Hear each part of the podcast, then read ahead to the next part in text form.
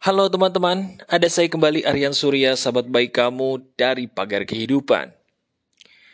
Kali ini saya akan langsung aja memberikan sebuah pembicaraan santai ya. Anggap aja saya ini seorang teman, seorang sahabat kamu yang kita lagi nongkrong nih di pinggir jalan gitu sambil dengerin suara motor, sambil dengerin suara mobil gitu kan. Tapi kita ngobrol dengan topik emas daging yang seizin Tuhan insya Allah bisa menolong kamu. Amin. Hari ini, saya tiba-tiba terpikir mengenai sebuah topik yang kayaknya emang benar-benar harus saya bagikan kepada kamu. Teman-teman, saya ini belakangan ini suka berpikir lebih dalam ya daripada biasanya, gak tahu kenapa. Tiba-tiba hati saya itu mengajak diri saya berdiskusi mengenai peristiwa kehidupan. Kamu lihat gak sih, baru-baru ini ada musibah, mohon maaf, yang namanya kecelakaan di Cibubur. Kamu lihat, kita doain semoga korbannya semua diterima amal baiknya oleh Tuhan, ditempatkan di sisinya yang paling baik, dan semua keluarga yang ditinggalkan diberi kesabaran. Amin. Di satu sisi ada musibah, banyak orang meninggal, banyak orang bersedih. Tapi di satu sisi kita ngelihat juga ada fenomena-fenomena orang bahagia. Kita ambil contoh Citayam Fashion Week. Banyak orang happy di situ ya. Saya mau tanya sama kamu, apa pelajaran kehidupan yang bisa kita ambil dari dua peristiwa tadi? Citayam Fashion Week sama peristiwa tragedi mohon maaf di kecelakaan Cibubur. Apa pelajaran yang menurut kamu bisa kita ambil? Betul. Dari dua peristiwa ini, kamu sadar nggak sih bahwa segala sesuatu dalam hidup itu sementara. Nggak ada satupun yang permanen. Orang mungkin banyak yang bilang di kiri kanan, hidup ini tidak ada yang abadi. Betul, saya setuju, tapi jujur deh, kamu kadang-kadang ngerasa ngantuk gak sih dengerin orang yang ngomongnya hidup ini tidak ada yang abadi? Tenang dulu, saya juga sama kayak kamu. Secara jujur apa adanya, kalau lagi dengerin orang berbicara hal yang seperti itu, kadang-kadang kenapa kita ngantuk gitu ya, nggak tahan pengen nguap. Kenapa bisa ngantuk? Jawabannya karena mereka tidak memberikan bukti yang bikin kita tuh sadar bahwa emang iya ya semua itu cuma sementara. Nah sekarang, saya sebagai sahabat kamu ingin membuktikan bahwa memang hidup itu sementara. Buktinya gampang. Lihat diri kita baik-baik. Pernah nggak kita bahagia, terus kebahagiaan kita nggak hilang-hilang? Kalau jujur, nggak pernah mas. Setiap kebahagiaan pasti ada umurnya. Abis itu ganti dengan mohon maaf kesedihan. Betul nggak? Tapi kabar gembiranya, kesedihan pun juga begitu kan? Gak ada satupun kesedihan yang abadi. Coba lihat hidup kita deh. Kita jangan lihat hidup orang lain ya. Tadi kita udah ngasih contoh, saya udah ngasih contoh kehidupan orang lain di luar sana ada fashion Citayam, orang-orang happy dan di satu sisi mohon maaf ada orang kena musibah, banyak yang sedih, banyak yang nangis. Itu orang lain. Kita lihat sekarang diri kita sendiri. Selama setahun ke belakang deh, nggak usah jauh-jauh. Apakah pernah kita bahagia Pasti pernah. Apakah pernah kita sedih? Pernah juga, Mas. Bahkan mungkin baru-baru ini saya sedih, Mas. Oke. Berarti itu bukti nyata nggak kalau semua itu berganti? Berarti itu bukti nyata kan kalau semua itu nggak ada yang permanen. Benar? Nah, jika begitu, sekarang saya mau tanya sama kamu. Tujuan hidup kita itu apa sebenarnya? Diri kamu mungkin baru punya anak. Seneng, bahagia. Tapi ketika mendengarkan anakmu menangis, kamu kesel, kamu marah, bete lagi. Tapi padahal begitu anak yang nangis tadi itu kamu lahirkan atau kamu miliki, diri kamu happy ya bukan main.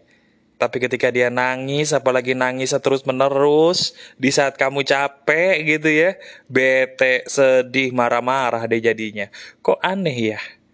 Sebuah objek yang sama bisa membuat kamu bahagia, eh akhirnya sedih. Sadar gak itu kehidupan? Nah kalau begitu, tolong jawab pertanyaan saya. Renungkan. Apa sih sebenarnya tujuan hidup kamu dalam hidup ini? Tolong, tolong jawabannya jangan ambil dari kitab suci kita. Ja, tolong jawabannya jangan ambil dari perkataan bijak orang lain. Enggak, yang saya tanya diri kamu sebagai sahabat saya. Saya ingin jawaban yang murni dari dirimu tanpa harus takut salah. Tidak ada yang salah bagi saya dari jawaban kamu. Apa? Apa tujuan hidupmu saat ini yang jelas sejelas-jelas saya katakan kepada saya? Apa? Lo jawab ini, tolong jawab apa? Pengen jadi orang ngebahagiain orang tua. Iya. Spesifik, ngebahagiainnya dengan cara apa? Ah, nggak jelas kan? Oh, mungkin kamu jawab gini, saya pengen jadi orang yang berguna, bermanfaat, bagus. Dengan cara apa? Spesifik dong, yang jelas. Pengen jadi orang apa? Bahagia. Bahagianya dengan cara apa? Banyak loh. Cara yang membuat orang bahagia dan kita harus tahu. Spesifik. Nah ini maksud saya. Kita tuh terlalu lama terlena dengan ucapan-ucapan yang manis dari para motivator, dari orang-orang yang pandai berbicara, tapi nggak tahu maksudnya tuh apa. Yang penting enak aja didengar, mas. Akhirnya begitu mau dipraktekin bingung saya harus ngapain ya. Hei, saya juga pernah di posisi kamu. Itulah alasan saya kenapa membuat pagar kehidupan. Sadar nggak sih pagar kehidupan itu beda? Bedanya pagar kehidupan adalah pagar kehidupan itu memberikan solusi, bukan cuman kata-kata enak yang didengar, betul nggak? Nah, sekarang saya kasih kamu kesempatan satu kali lagi. Saya perjelas. Tolong berikan jawaban yang spesifik, spesifik spesifiknya, sejelas-jelasnya. Jawab apa tujuan hidup kamu sebenarnya dalam hidupmu saat ini. Tolong pause dulu, berhenti dulu audionya. Sebelum kamu ketemu jawabannya, jangan di play. Tolong ya, pikirin apa tujuan hidup kamu sebenar-benarnya. Pause dulu, saya tungguin sekarang. Silahkan.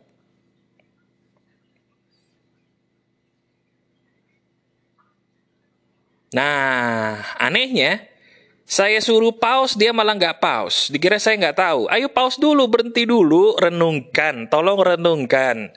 Apa tujuan hidup kamu secara spesifik? Berhenti dulu, silakan. Sudah? Oke, sekarang coba jelaskan kepada saya dari hati aja. Boleh dengan suara lantang juga. Apa tujuan hidup kamu sebenarnya dalam hidup ini? Yang spesifik ya. Jangan cuma bilang beribadah kepada Tuhan. Ya ibadahnya seperti apa bentuknya? Pengen ngebahagiain orang tua, kebahagiaannya seperti apa yang ingin kau berikan? Pengen jadi orang sukses, suksesnya dengan cara apa? Jelaskan spesifik. Coba silakan, apa? Nah, apa pun jawaban kamu, sekarang coba kamu rasakan sendiri dirimu ketika mengatakannya. Ada nggak sebuah perasaan yang membuat kamu berkata, ini gua banget, ini saya banget, kalau perasaan itu belum muncul, berarti jawaban kamu bukanlah jawaban yang betul-betul dari hatimu. Betul.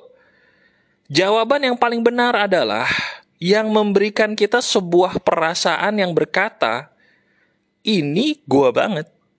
Ini saya banget, Mas. Ketika kamu mengatakan itu, apa pun jawabanmu tadi itu sudah benar. Tapi ketika kamu mengatakan apa pun dan perasaan itu tidak muncul, maaf, jawaban itu cuma jawaban yang asal diucapkan oleh dirimu. Kebiasaan ngikutin acara seminar-seminar yang memberikan jawaban yang penting bersuara, enak didengar, jangan ya.